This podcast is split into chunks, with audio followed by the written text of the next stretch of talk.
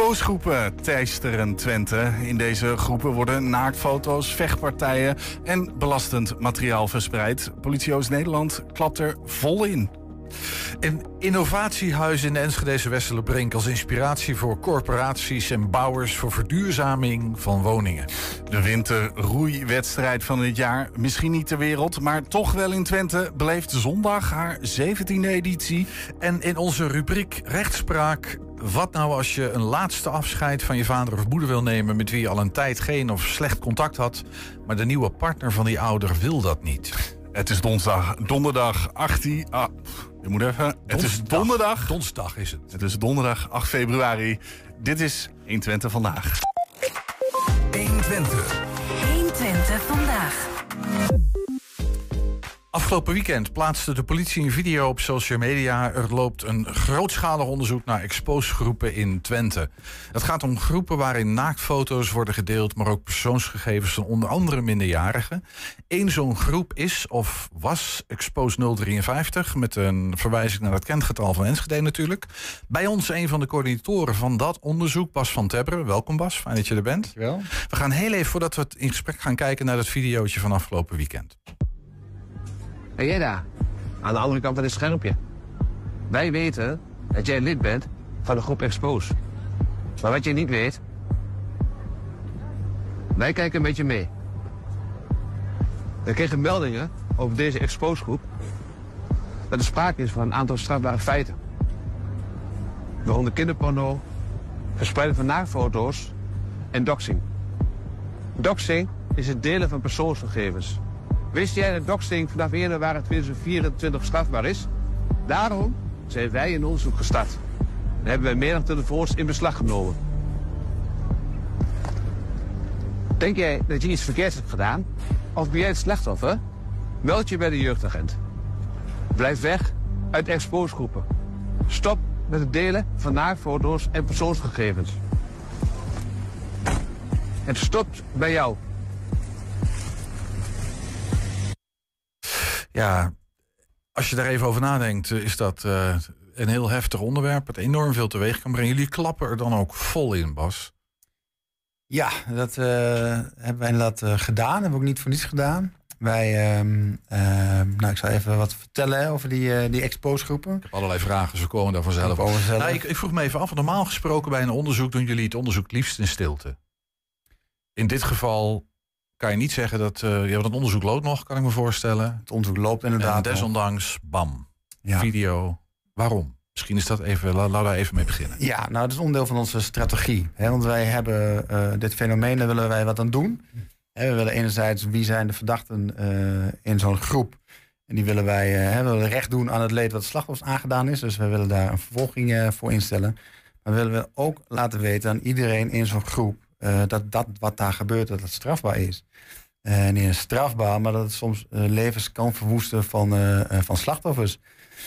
En wat we ook willen laten zien aan de leden van zijn groep is dat, hè, want we maken gebruik van Telegram. Mm -hmm. en Telegram, nou, mensen denken dat je daarmee anoniem blijft. Maar je bent niet zo anoniem als dat je denkt dat je bent als je gebruik maakt van Telegram. Ja, dat is in deze tijd altijd een beetje dubbel. Hè? Aan de ene kant is het heel fijn, want ja, het feit dat mensen niet zo anoniem zijn, betekent dat ze opspoorbaar zijn, dat jullie ze kunnen vinden. En tegelijkertijd, ja, soms is het ook heel fijn om even niet opgespoord te kunnen worden. En dan bedoel ik het niet vanwege criminele activiteiten hoor, maar je wilt niet dat alles gezien wordt. Tegelijkertijd, die exposegroepen, dat is waar het over gaat. Hè, is dat er informatie over soms eigenlijk misschien vaak minderjarigen. Um, publiek beschikbaar is, waarvan ja, wat heel schadelijk kan zijn.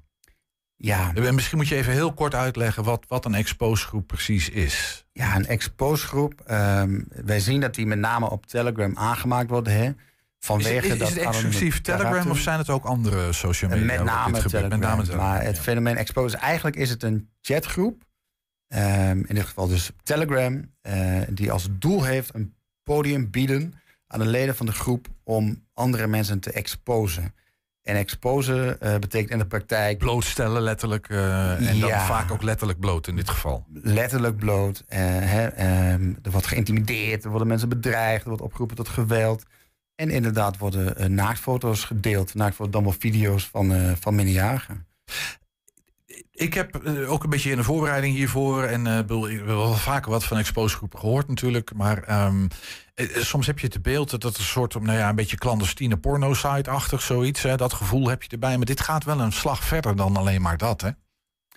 Ehm, nou ja, wat. ehm, eh, kijk, de slachtoffers hiervan zijn vaak minderjarig. Hè? En je moet je voorstellen dat als het gaat om naaktfoto's, dat je. Als meisje eh, een foto deelt, intiem materiaal van jezelf met een, eh, met een vriendje. En dat is natuurlijk niet bedoeld voor de openbaarheid. Eh, want één, als het gebeurt, dan heb je je schaamtegevoel naar jezelf en naar je omgeving. Maar twee, eh, vaak worden er ook nog gegevens bij gedeeld. Hè? Dus dan wordt je telefoonnummer erbij gezet of je social media eh, accounts. En dan word je online, maar ook op school of op straat, wordt uitgescholden. Namen bedreigd, soms ook gewoon hè, staan erbij. Namen, Namen er staan erbij, bij, ja. welke school je zit, nou noem het maar op. D- enig idee wat mensen die zo'n... Want die exposegroepen die worden opgezet door iemand. Hè, dus iemand die daar het initiatief voor neemt. Ehm, en er zijn mensen die zeggen dat vind ik interessant en ik ga daar deel aan nemen. Ik word daar... En, en misschien ook dingen plaatsen, weet ik veel. Wat, weet jullie iets van het motief? Waarom doen mensen dit?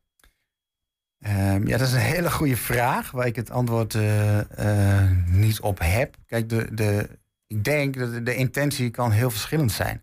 En we hebben ook in onze groep, hè, want eh, nou, we hebben het hier over de Expose 053, die net ook in het filmpje voorbij Dat is kwam. specifiek de groep die jullie nu hebben onderzocht. En Ja. ik heb even, eh, misschien dat ik straks eh, mannen met lange jassen achter me aan heb, weet ik eigenlijk niet. Maar ik heb even Mhm. zitten kijken, maar hij, ik vind hem niet meer op. die is opgerold, geloof ik. hè? hebben na het plaatsen van deze video, want die hebben we in de groep geplaatst namens de politie. We hebben een Telegram-account aangemaakt. We zijn in die groep gegaan. We hebben gekeken wat er gebeurde. En we hebben uiteindelijk deze video gepost en de groep op slot gezet. Dus je kan nu niet meer in de groep. Maar de intentie van eh, die groep, hè, eh, die lijkt niet meer te zijn dan dat podium te bieden om eh, jongeren met name te exposen. Maar is het dan bedoeld om die jongeren, specifiek bedoeld om die jongeren, nou, even, even heel plat op de bocht, kapot te maken? Om ze, of is het gewoon bedoeld om spannende filmpjes te delen? Die, Ja, nou we hebben gezien dat, dat er in enkele gevallen een aanleiding was. Althans, hè, er was sprake van een conflict. En er werd ook gewoon gezegd, ik ga je exposen. En vervolgens wordt er eh, wordt iemand in die groep gezet met zijn naam, et cetera. Mhm. Maar soms hebben we ook eh, geen aanleiding kunnen vinden. Dus dan lijkt het erop dat iemand eh, nou ja, random geëxposed is. Doordat er materiaal beschikbaar was. Gewoon eigenlijk zomaar. Ik, ik, ik heb even. ik, ik vond iets anders in die exposgroepen. Daar hebben we een plaatje van. Dat is deze. Als je dit leest, ehm, dan lijkt het in dit geval. Dit is niet Expose 053. Dat is een hele andere. Ik heb de naam er ook maar niet bij gezet. Dat is niet zo belangrijk.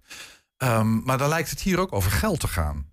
Eh, dus mensen die deelnemen en die een aantal eh, kanalen opzetten, kunnen geld verdienen. En er is ook een. Ik neem een meneer of een jongen of zo die zegt: Ik heb al geld gemaakt. Is dat een motief dat jullie ook gewoon geld? Dat gebeurt ook. Hè? Dus daar, dat maakt die exposgroepen die soms dan eh, wellicht onschuldig beginnen ook zo gevaarlijk. Eh, want wij zien ook dat slachtoffers eh, afgepest worden bijvoorbeeld. Dus dan word jij met jouw intieme materiaal al geëxposed. Dan word je vervolgens benaderd door mensen die zeggen... als jij niet betaalt of je stuurt me niet nog meer naaktfoto's... dan gaan wij contact leggen met jouw familie eh, of bekenden. Ja. Eh, dus de groepen en wat er gebeurt, dat is heel divers wat, eh, wat het kan opleveren. Dus dan gaat het eigenlijk van. nou ja, iets wat heel kwalijk is. naar iets wat nog veel kwalijker is. En dan komt iemand echt in de knel te zitten. Eh, als je slachtoffer bent hè, van zo'n van zo'n verhaal.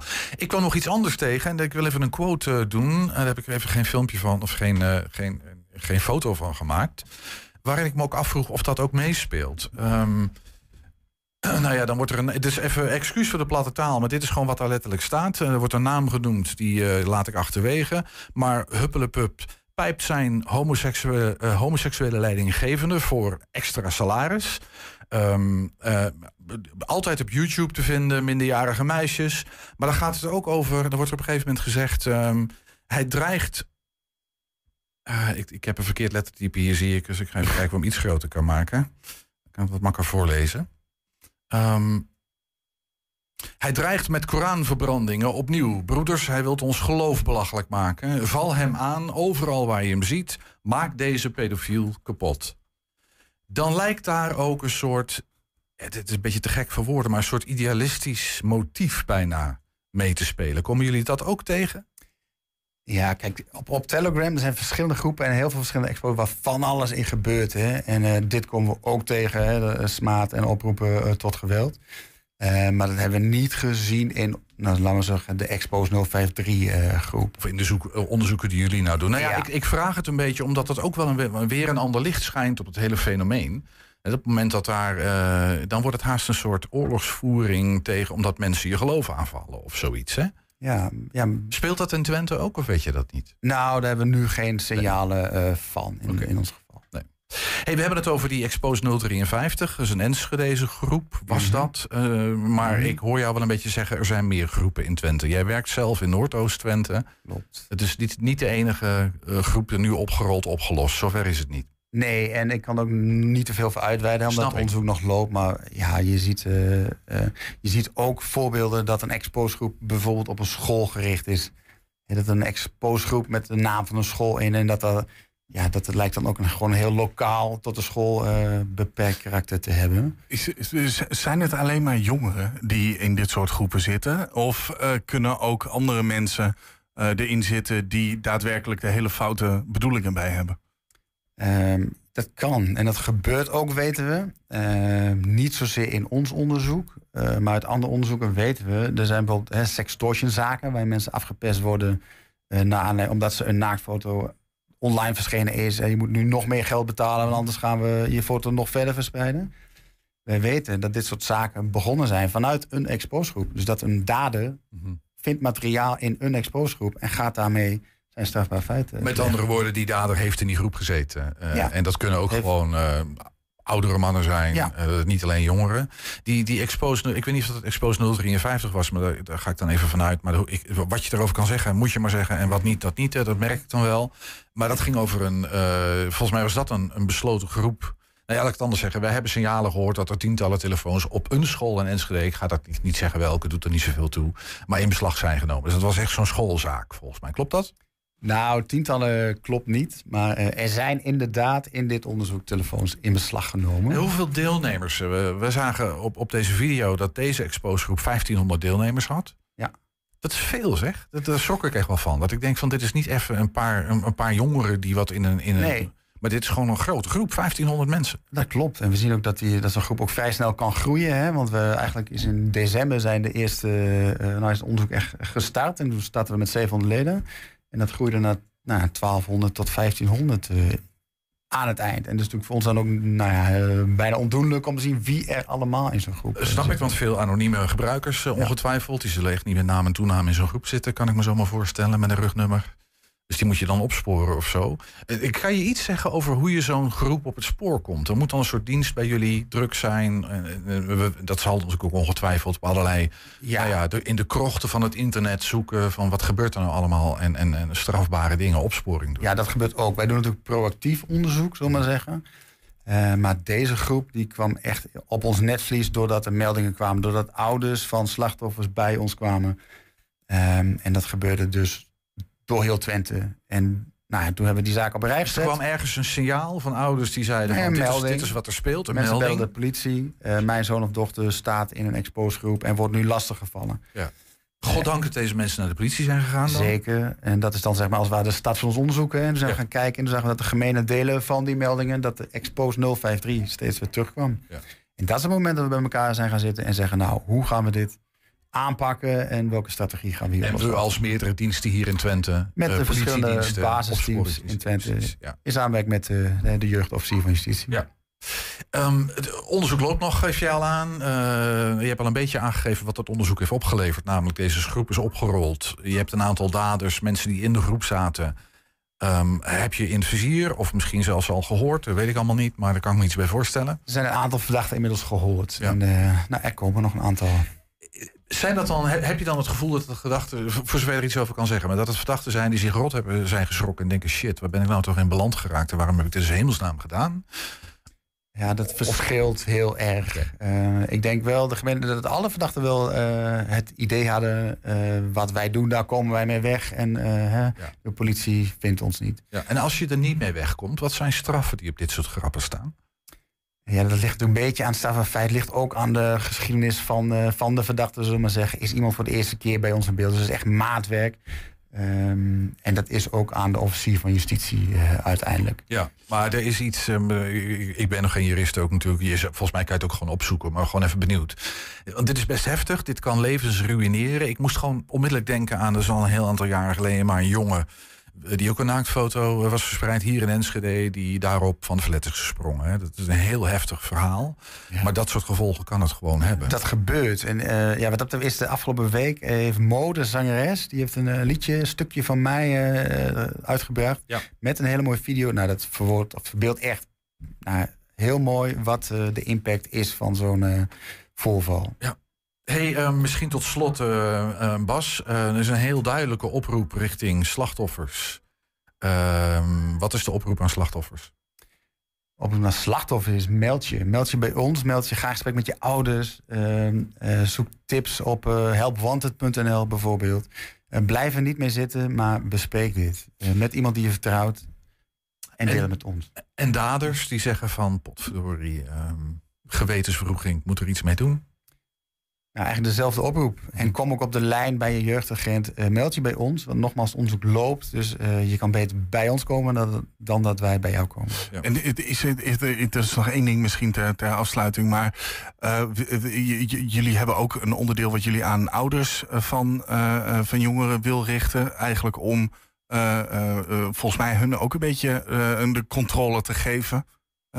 Want want hoe, hoe willen jullie die ouders bereiken? Nou, de, we, we zijn natuurlijk, eh, dat is onderdeel van de strategie om eh, in gesprek te gaan met, eh, met de pers en ook op onze social media kanaal te delen. En we roepen die ouders op, ga het gesprek aan met je kind. Afgelopen weekend was ik zelf op een verjaardag. ehm, en er zijn ouders die het fenomeen niet kennen. Maar ik weet zeker, elke jongere in de middelbare schoolleeftijd kent dit fenomeen. Zit misschien ook wel in zijn groep. Ga het gesprek aan. Heb je Telegram? Waarom gebruik je Telegram? En ken je het fenomeen expose groepen? Want misschien dan echt tot slot, zonder dat, het lijkt me ook heel lastig als alle ouders ineens heel erg zenuwachtig worden van alles wat hun kind doet. Daar word je, word je als kind ook niet vrolijk van, volgens mij. Zijn er nou specifieke dingen waar ouders op kunnen letten en kunnen zeggen van hieraan kun je gewoon merken dat er iets niet in orde is met, eh, met mijn kind, met mijn zoon of dochter. Het, zullen vaak, het zal vaak dochters. eh, het zal vaak Als dochters gaan. slachtoffer wel, ja, als ze teruggetrokken zijn, ehm, je zich afzonderen, andere gedrag laten zien, eh, geagiteerd zijn, hè, eh, ehm, korte lontjes, ja, ja. prikkelbaar. ehm, als je verandering in gedrag ziet, Ga alsjeblieft met je kind in ga in gesprek en Ja. kan hiermee te maken hebben. En mocht er iets aan de hand zijn, neem contact op met de politie. Zeker. Laat het ook vanuit, vanuit ons de oproep zijn, want dit is wat je echt niet wil. Eh, elk kind verdient, verdient het om in vrijheid eh, zijn eigen ontwikkeling door te maken. En zelfs ook zijn eigen stomme fouten te maken. Die hoeven niet gelijk aan de grote klok. Dat is niet oké. Zeker niet. Bas van Tubberen, dankjewel. Graag gedaan. Heb je een tip voor de redactie? Mail dat dan eventjes bij redactie-120.nl. En zometeen de winterroeiwedstrijd van het jaar. Ja, misschien niet ter wereld, maar wel van Twente. Beleeft zondag haar 17e editie. 120 Een fabriek waar 15.000 pakketten per jaar uitrollen. Waarmee evenveel woningen in, een in één klap compleet verduurzaamd kunnen worden. Voor maar 50.000 euro per woning en in 25 tot 30 jaar terugverdiend. Dat was in 2021 nog het plan van onder meer de provincie Overijssel en de Enschedeze woningcorporatie Domein. Maar die fabriek gaat er niet komen. In plaats daarvan wordt nu ingezet op betere samenwerking tussen partijen die elk afzonderlijk bezig zijn met duurzaam en betaalbaar bouwen. Een woning aan de Stepelobrink in Enschede is er toonbeeld van en werd woensdagochtend tot innovatiehuis gedoopt.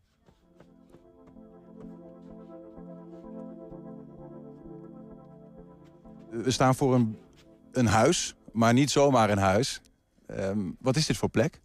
Ja, dit is eh, een van de woningen in de gemeente Enschede van woningbouwcorporatie Domein. Die is helemaal verduurzaamd en eh, wordt nu gehuurd door de provincie Overijssel en de gemeente Enschede om samen te laten zien wat er mogelijk is qua verduurzaming en ook qua nieuwe ontwikkelingen. Een aantal jaren geleden hebben we dat project Induzero gestart samen met de provincie. Dat is eigenlijk een internationaal uh, gesubsidieerd project. Waar uh, uh, landen in het buitenland aan meedoen, maar ook zeg maar partijen in Nederland. De provincie is daar een enorme trekker in geweest. En wij als domein eerlijk gezegd ook.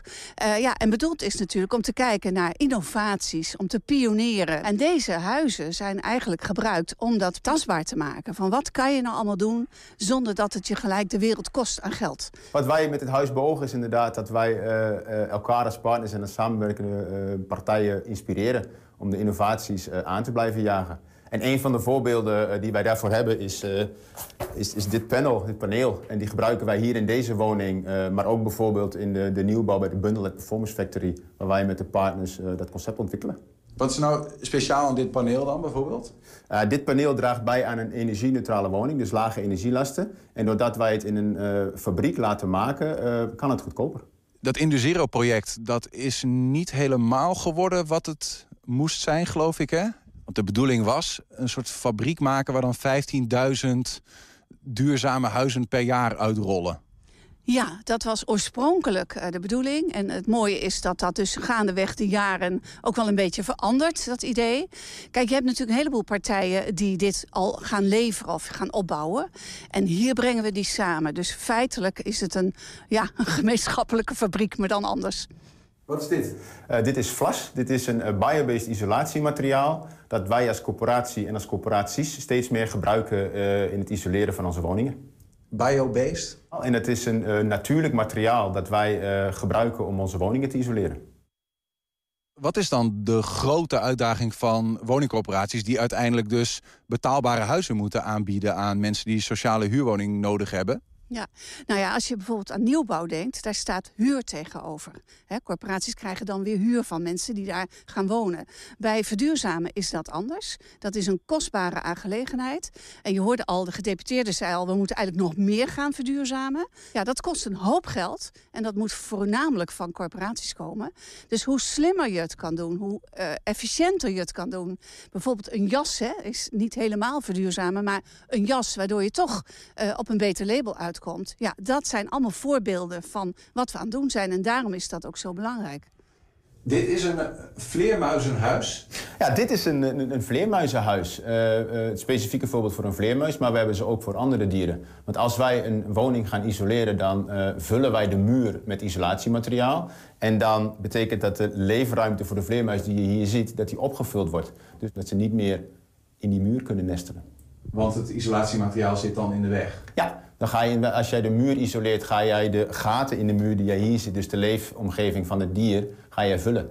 Dus moet jij maatregelen nemen om die uh, woning voor het dier uh, ergens anders neer te halen. Die gaat dan hier ergens in, uh, in, wonen? Die gaat dan hier ergens in wonen, ja. Nou hoorde ik dat in Overijssel Twente het aardig goed doet als het gaat om die verduurzaming, samenwerken, proberen de versnellingsslag daarin te maken. Um, en dat de West-Overijssel nog een beetje achterblijft. Wat, wat, wat, wat zit hier in het water dat het in Twente wat beter gaat? Nou, waar Twente enorm goed in is op dit moment... is het snel realiseren van passende woningen. Dus als we kijken, de afgelopen twee jaar... hebben we in Overijssel meer woningen gebouwd... als afgesproken met de minister. En dan zien we dat Twente meer dan de helft van die woningen weet te realiseren... terwijl Twente had afgesproken er minder te bouwen als West-Overijssel. Dus ik denk dat we in Twente zien dat partijen nog beter kunnen samenwerken... als wat we al dachten. En daar is dit huis een mooi voorbeeld van. Daar is dit huis een prachtig voorbeeld van. Zometeen in rechtspraak. De ouder met wie je al een tijd geen of nauwelijks contact hebt, overlijdt. Je wil toch afscheid nemen, maar de nieuwe partner van die ouder weigert je de deur. Damse advocaat Rebecca Orgel praat ons daarover bij. 120. 120 vandaag.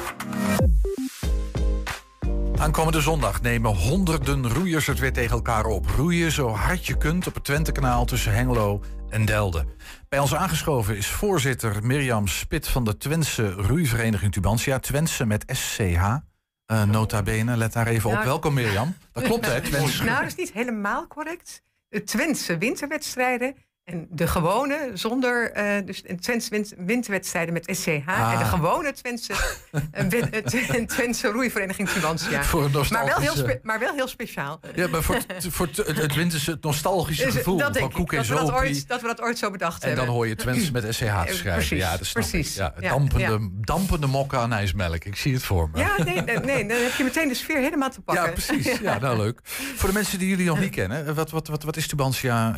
ja, een roeivereniging? Een roeivereniging. Maar het is al een oude vereniging. Ja, we bestaan inmiddels eh, bijna 90 jaar. Volgend jaar vieren we ons 90ste verjaardag. Dus ons, eh, Is dat een van de oudste roeiverenigingen van Nederland? Mag je dat dan? Of is dat eh, overdrijven Nee, dat overdrijf je net wel, van, de Twente, wel van Twente. Mhm.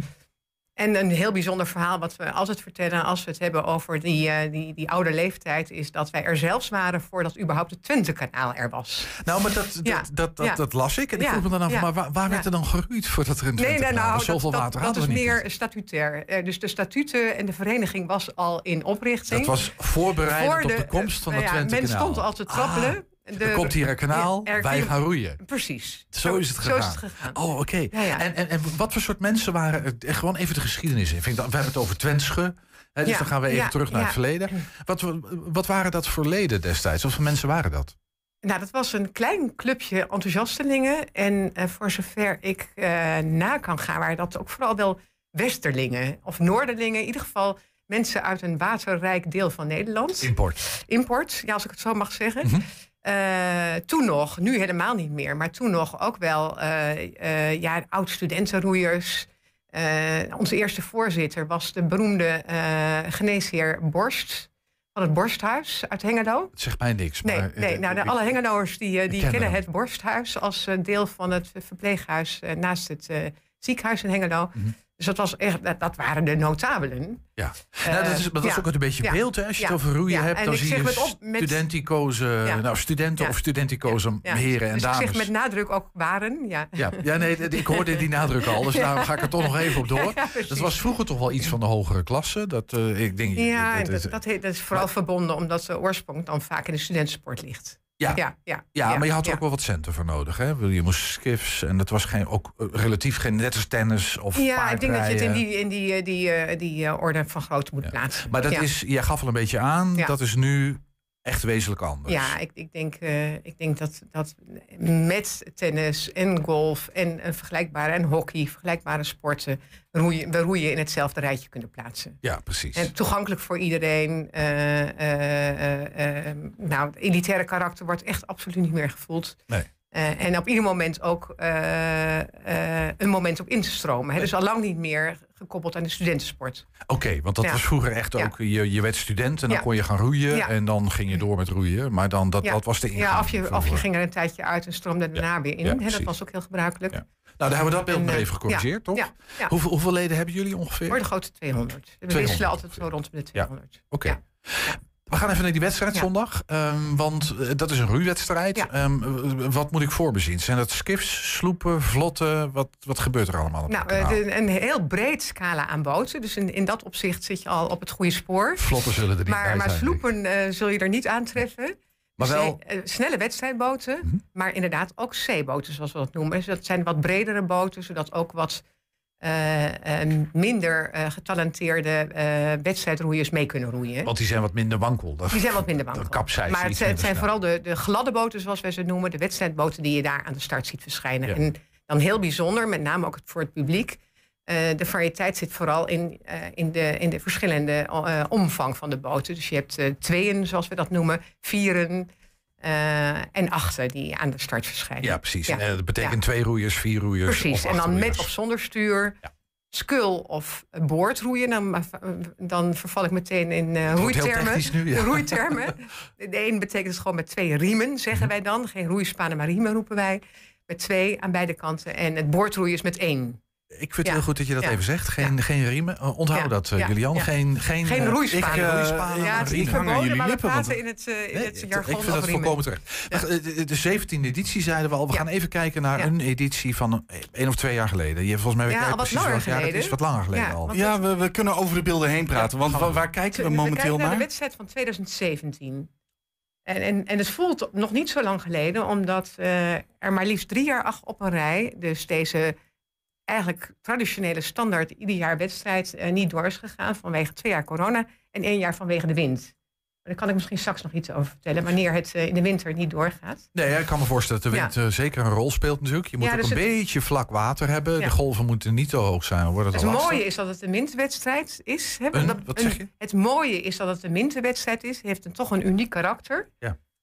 Maar het lastige, het risicovolle is dan dus ook dat je niet altijd helemaal zeker bent van het weer. Nee. En dat je misschien Eh. ook soms een beetje de elementen moet trotseren waar je Ja. zomers iets minder last van hebt. Ja, Is dat zo? Ja, maar dat, dat is dan tegelijkertijd wel leuk. Maar eh, nou, ieder, ieder, eh, ieder jaar is het zo dat we een week voor die Twentse winterwedstrijden echt eh, nauwlettend de, de temperatuur in de gaten houden. Want als het, het, het, kwik onder de 0 graden komt, dan eh, gaat de wedstrijd niet door. En dat is, heb ik begrepen, niet omdat het, omdat het water dan bevriest. Want het, is, het wordt er toch wat warm water van AXO geloosd, geloof ik. dus Ja, het in het verleden. Nee, nee, nee, nee, nee, nee. Dat is echt zelden een reden. Maar onder de 0 graden is het gewoon voor de boten niet verstandig. De, de, Dus de wij- wij roeien- goed tegen. Het, het, goeie, het leuke van roeien is, en dat weet lang niet iedereen, is dat je het hele jaar door geroeid kan worden.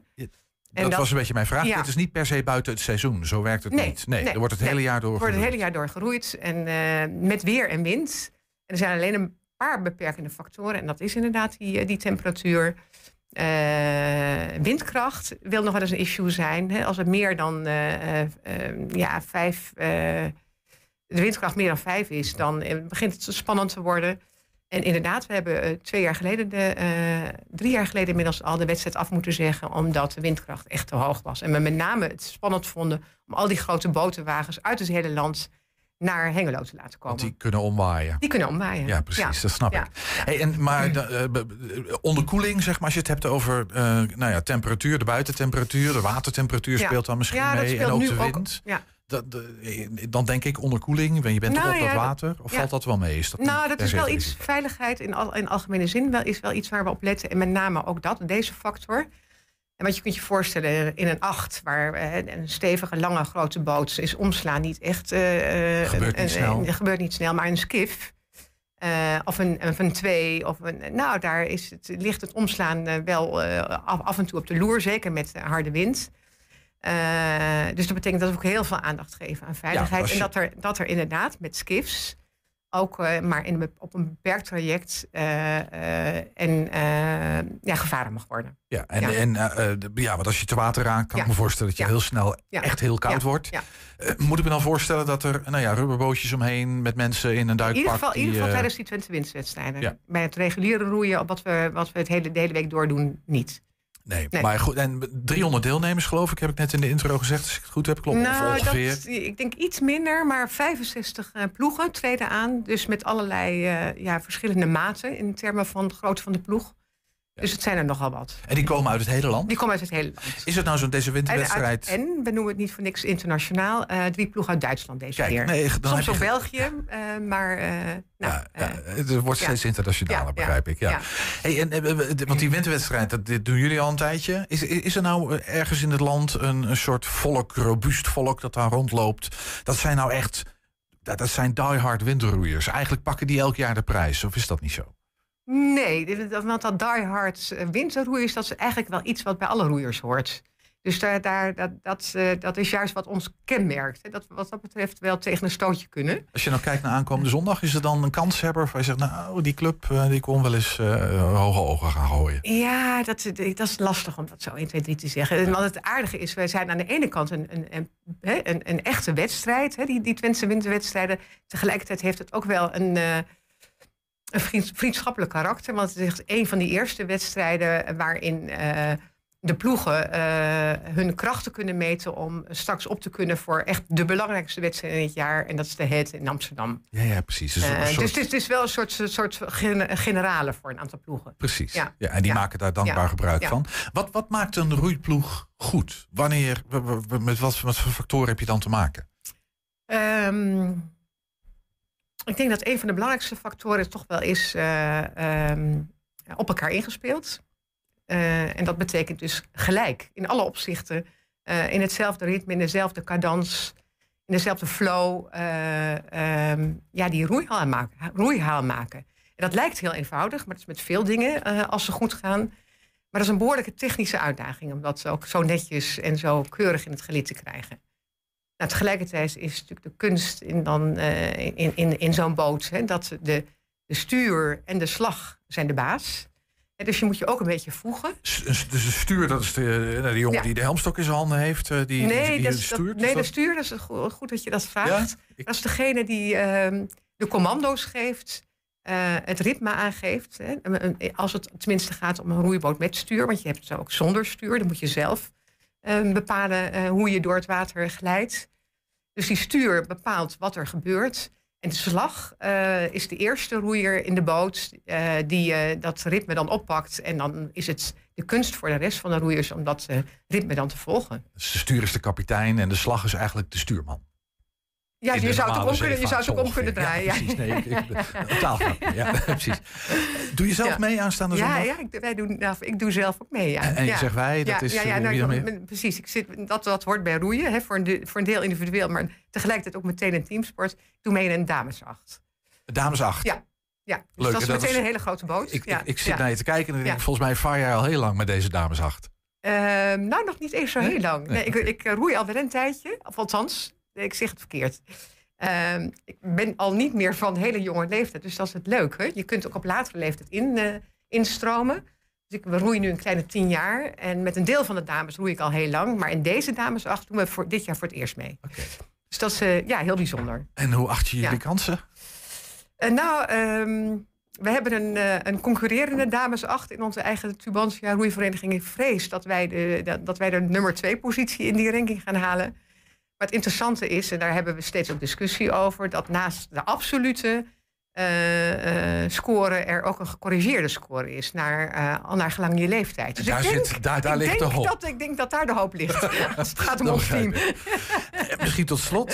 Dit is natuurlijk een, een, Ja. een, een ja, wedstrijd voor roeiers. Hartstikke leuk. En dat is in-crowd. Maar publiek die zegt van dit is hartstikke leuk. Wil komen kijken. Hoe werkt nee, dat? Waar moeten ze zijn? Hoe laat? Nou, er zijn drie heats. Eén om, dan moet ik het even goed zeggen. Eén om eh, tien uur, één om half, één om drie uur. En dat betekent dat vanaf dat moment eh, je eh, langs het kanaal tussen de Loofbrietbrug vanaf Delden tot ons eh, eh, clubgebouw eh, in Hengelo, eh vlakbij de Oelerbrug, dat je daar langs het Daar hele een mooi plekje zoeken. Precies, langs het kanaal. En het is fantastisch om te kijken en te zien. En ook om te zien hoe leuk die roeisport is voor alle leeftijden. Hè, wat je ziet, jonge, jonge roeiers aan, eh, in de boot, maar ook 60, 70ers. Nou, zelfs een enkele tachtiger doet mee. Dus dat is eh, ja, fantastisch om te zien. Wel heel leuk. Ja. Klapstoeltje mee. Eh, is er ergens koekensopie te krijgen of ook een thermosflesje koffie meenemen? Een thermosflesje Ja. koffie en, en uiteraard zo rondom ons clubgebouw kun je ook even een kijkje komen nemen. Heel leuk. Ja. Dus van harte welkom. En je hebt gezegd half één ongeveer zorgen dat je er klaar voor bent als je wil komen kijken. Ja, nou, tien uur is de eerste Tien uur. heat. Oh, tien uur ja, er zijn drie Oh, heats, zoals dat heet. goed, zoals ja. dat heet. Ja, Ja. Drie heats. De Drie eerste om tien uur. Dus, dus niet de hele dag. Nee. Dus om tien uur. En dan moet je snel zijn, want in een, in een twintig minuten ben je die vier, vijf kilometer eh, van de ene kant naar de andere kant geroeid. Dus tien uur, half drie. En eh, nou zeg ik, moet ik het zelf nog weer even goed zeggen. En om drie uur. Ja, Ja. het- als jij het al niet uit je hoofd weet. Maar, Maar voor dus- wie het niet, niet, wie het niet allemaal kan website. onthouden, website. En dat is uh, Twentse? Perfect. Ja, dat dacht ik al. Daar is alles te vinden. Mirjam Smit was dat van die Twentse Roeivereniging eh Tubantia. Dankjewel. Dankjewel. Graag gedaan. We zijn ook als podcast te beluisteren. Dan eh, kun je ons vinden. Alle bekende platformen zijn wij op te vinden. Je vindt daar hele uitzendingen. Die zijn op 120 vandaag. En ook één item uitgelicht in 120 vandaag uitgelicht. 120. 120 vandaag. Eh, Wij gaan een studiowisseling doen, doen we rustig. En dan gaan we naar eh, een volgend onderwerp. is ook het laatste onderwerp van vandaag. Stel, je ouders zijn gescheiden. Je hebt al jaren een moeizame relatie en nauwelijks of geen contact met een van hen, je vader, je moeder. Maar die overlijdt en je wilt afscheid nemen. Het enige wat je nog kunt doen. Maar de nieuwe partner van die vader of moeder staat dat niet toe. Die wil niet hebben dat je erbij bent. Dat is tragisch in alle opzichten. Alleen daarover zou je natuurlijk al uren kunnen, kunnen praten. Maar los van die tragiek en van de emoties. ehm, zegt de klinische rationele rechtspraak iets over dit soort kwesties. Aan tafel hebben we Rebecca Orgel, familierechtenadvocaat bij Damstee. Welkom. Dit is mijn uitspraak en daar moet u het mee doen. Rechtspraak met Damstee Advocaten. Ja, Rebecca, dit gebeurt... eh, ja, ik, ik ben even aan het nadenken wat je nou aan het doen Ja, nee. De ding is, ik doe dit niet zo heel vaak. En- Nee, dat klopt. Normaal komt het na die- de tijd. Ja, Maar- precies. Ik weet niet precies wanneer die jingle dan komt. Dus ik denk, nou, ik kijk jou maar even aan. eh, Dan start jij hem wel in. We maken er wel wat van, toch? Ja. Maar Rebecca, een serieus onderwerp. Eh, eh, en ook een tragisch onderwerp. We gaan het niet per se over de tragiek hebben, maar meer over de rationele juridische kant van dat. Maar dit, dit zijn dingen, ja, dat is bijna een hele obligate vraag. Anders zat je hier niet om erover te praten. Maar dit gebeurt dus gewoon echt. Ja, ja, en het gebeurt ook steeds vaker. eh, Omdat we natuurlijk steeds vaker samengestelde gezinnen hebben. Ehm, ja, Ja, dan denk ik altijd, één hoeft toch niet per se met ander te maken hebben. Want dat is natuurlijk waar. Ehm, en tegelijkertijd denk je, ja, maar dat is dus niet zo. Is dat mensen in zo'n samengestelde situatie of na een scheiding. Zo, je hebt met kinderen te maken. En, en nou het ja, hoeft natuurlijk niet, maar het komt natuurlijk wel Ja, voor. gedoe Ehm, in families. Gedoe in families. Ehm, en inderdaad, hè, ehm, ouders gaan scheiden, moeder krijgt een nieuwe partner. Nou, dat gaat dan zo enige tijd door. En op een gegeven moment komt moeder te overlijden. Nou, die, de relatie tussen moeder en dan de kinderen is moeizaam. Gaat ook niet lekker met die nieuwe partner. Dus je hebt minder contact of geen contact. Moeder komt te overlijden. En dan zegt de partner, ja, moeder is overleden, maar moeder wilde je niet op de uitvaart hebben en ik ook niet. Dus jullie zijn niet welkom. En dan sta je daar als kinderen en dan is de vraag, wat dan? En eh, dan, dan bellen ze natuurlijk een advocaat. Nou, dat is eigenlijk een beetje mijn vervolgvraag. Want mensen nemen dan inderdaad, dat gebeurt dus kennelijk, een advocaat of een jurist of zo in de arm. Ja, Te kijken, kunnen we hier niet wat aan doen? ja, die vragen dan, wat moet ik doen? Hè? Eh, meestal weten ze ook niet wanneer de uitvaart plaatsvindt, waar de uitvaart plaatsvindt. Dat is allemaal gissen. Eh, en dan moet je als advocaat natuurlijk heel snel Ik aan wilde de gang zeggen, want je hebt, je hebt geen weken de tijd om zo Nee. in zo'n dossier te verdiepen. Dus dan Nee. moet je heel snel wat doen. Ja, Lukt ja. dat dan? Kan dat? Zeker kan dat. Gelukkig hebben we zo'n spoedkort geding, zoals we dat zo mooi noemen. Eh, het eerste wat we natuurlijk doen is ehm, per direct contact opnemen, bellen, eh, ook een brief sturen. En je bedoelt contact opnemen met de, met de partner, van de overleden ouder, Ja, zeg maar in dit precies. geval? Eh, hè, als ik de kinderen bijstaat, kan natuurlijk ook de andere kant zijn. Maar stel in dit geval de kinderen komen dan bij mij. Ehm, ja, en als daar geen respons op komt binnen een dag, ja, dan moet je snel handelen. Want je weet ook niet wanneer die uitvaart eh, zal plaatsvinden. Ja, en dan, ja, dan maak je een processtuk op. En dan binnen 24 uur zit je dan bij de rechtbank. En dan moet die rechter zich daarover buigen en ook nog weer wat van vinden. Dus dat, nou ja, zeg maar even, het is niet alleen een, zeg even, menselijk vraagstuk, maar het is ook gewoon echt een juridisch vraagstuk. Maar dat ankert dus ergens in juridische regelgeving. Wat zijn die juridische kaders in, in dit soort situaties? Jij bent familierechtadvocaat, dus jij weet dat. Zeker. Maatloos, ja. Ja, eh, want bij de rechtbank, je hebt natuurlijk, hè, aan, elk, aan elk verhaal zitten natuurlijk twee kanten. Ehm, je hebt natuurlijk ehm, de kant van de, nou, laten we zeggen, hè, moeder, twee kinderen en de partner, hè, die zit daar dan aan de andere kant. En dan zegt de partner, ja, moeder heeft nooit, hè, heeft het niet gewild. Moeder wil niet dat de kinderen komen op de uitvaart. Ehm, dan is natuurlijk die wens van moeder, dat is natuurlijk het, het ene belang waar de rechtbank rekening mee moet houden. Of de veronderstelde wens van die moeder. Het hoeft toch niet echt zo te zijn, toch? Dat komt ook voor, kan ik me voorstellen. Ja, heel vaak wordt het dus niet opgeschreven. Zegt de partner, moeder heeft het niet gewild. maar hoe dat heeft ze aan het sterfbed verteld. Zeg maar dat. Precies. Ja. Ehm, en ehm, ja, heel vaak wordt dat niet op een brief gedaan, niet in een testament. Dus dan noemen ze dat inderdaad de vermoedelijke wil van moeder. Eh, aan de ene kant. En aan de andere kant, ehm, ja, het recht om afscheid te nemen van de kinderen. En dat recht dat vloeit voort uit het family life begrip. Het is een eh, family life dat komt uit het Europees Verdrag van de Rechten van de Mens. Mhm.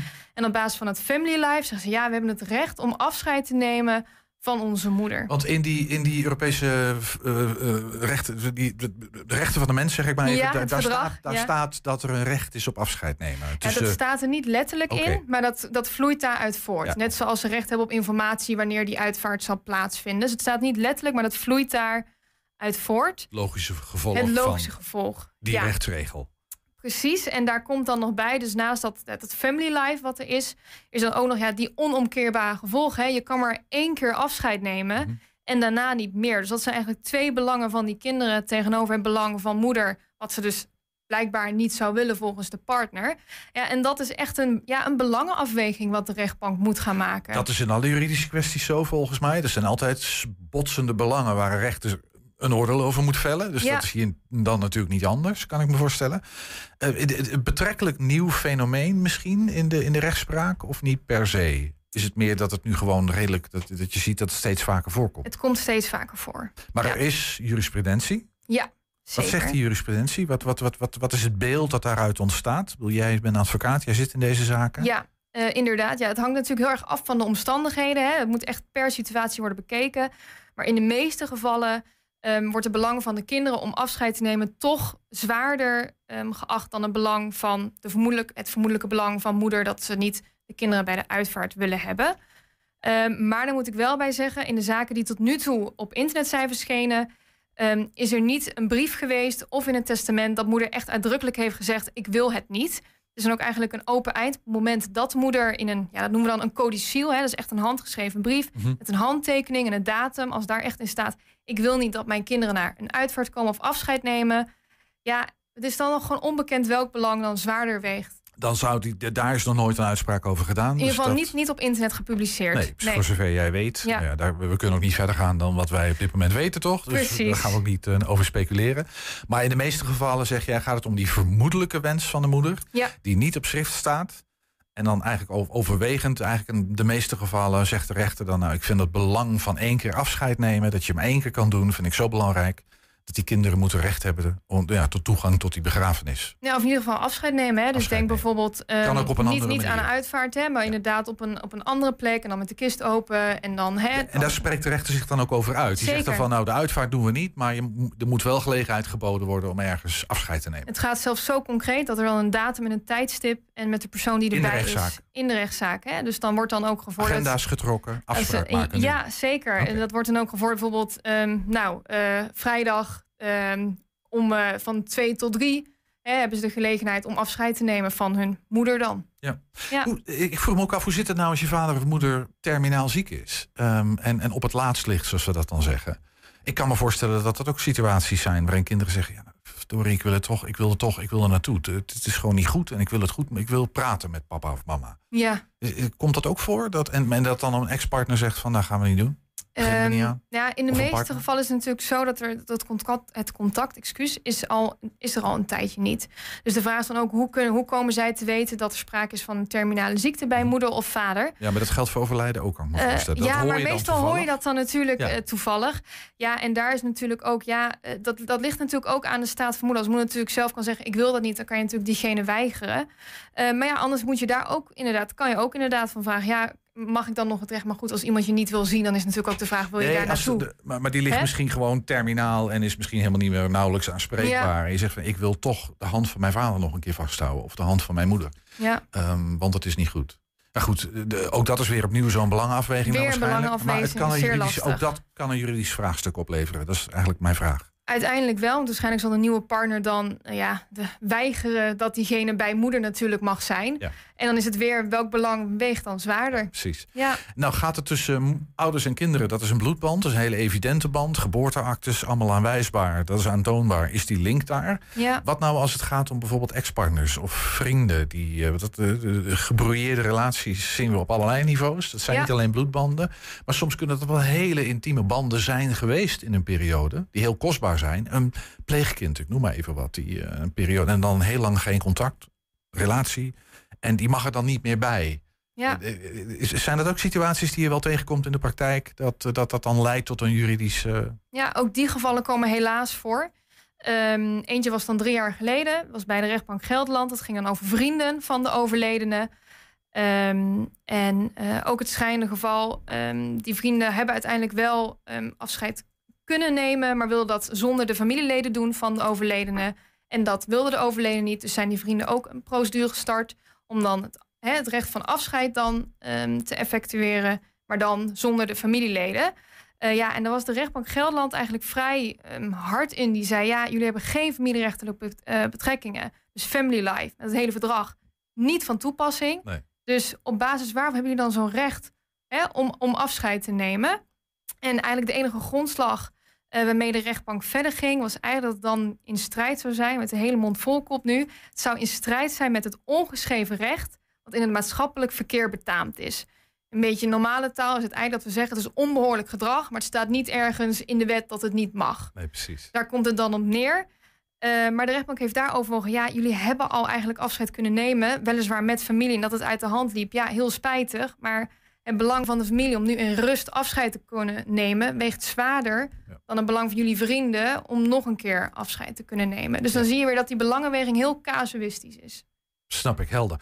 Uh, misschien uh, tot slot, als mensen nou met deze zaak, met, met, met, met zo'n kwestie te maken hebben, ja, dan kunnen ze dus contact opnemen met een advocaat. Ook met uh, jou in dit Ja, geval, bij. Damstee.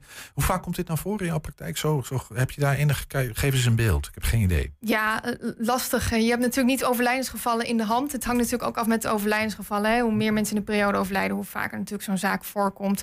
Dus ja, de gemiddelde is heel lastig om te geven. Dat, dat kan ik niet. Maar het komt, het komt wel voor en ja, wel geregeld. Nou, mocht je hiermee te maken hebben, je denkt, ja, dit, je, dit, ik kan dit maar één keer doen, dan is het nog een optie altijd om eh, juridische hulp eh, in te schakelen. Rebecca Orgel was dat van Damstee Advocaat. Uh, dankjewel. Ja, bedankt. En daarmee zijn we aan het einde gekomen van 120 vandaag. Terugkijken, dat kan direct via 120.nl. En vanavond om 8 en 10 zijn we ook op televisie te zien. Zometeen hier op de radio Henk Ketting met de kettingreactie. Wij zeggen veel plezier en tot morgen. Thema beveiliging staat voor betrokkenheid, adequate optreden en betrouwbaarheid. Waar de concurrent stopt, gaat thema beveiliging net een stap verder. Thema beveiliging levert alle vormen van beveiliging voor zowel de zaak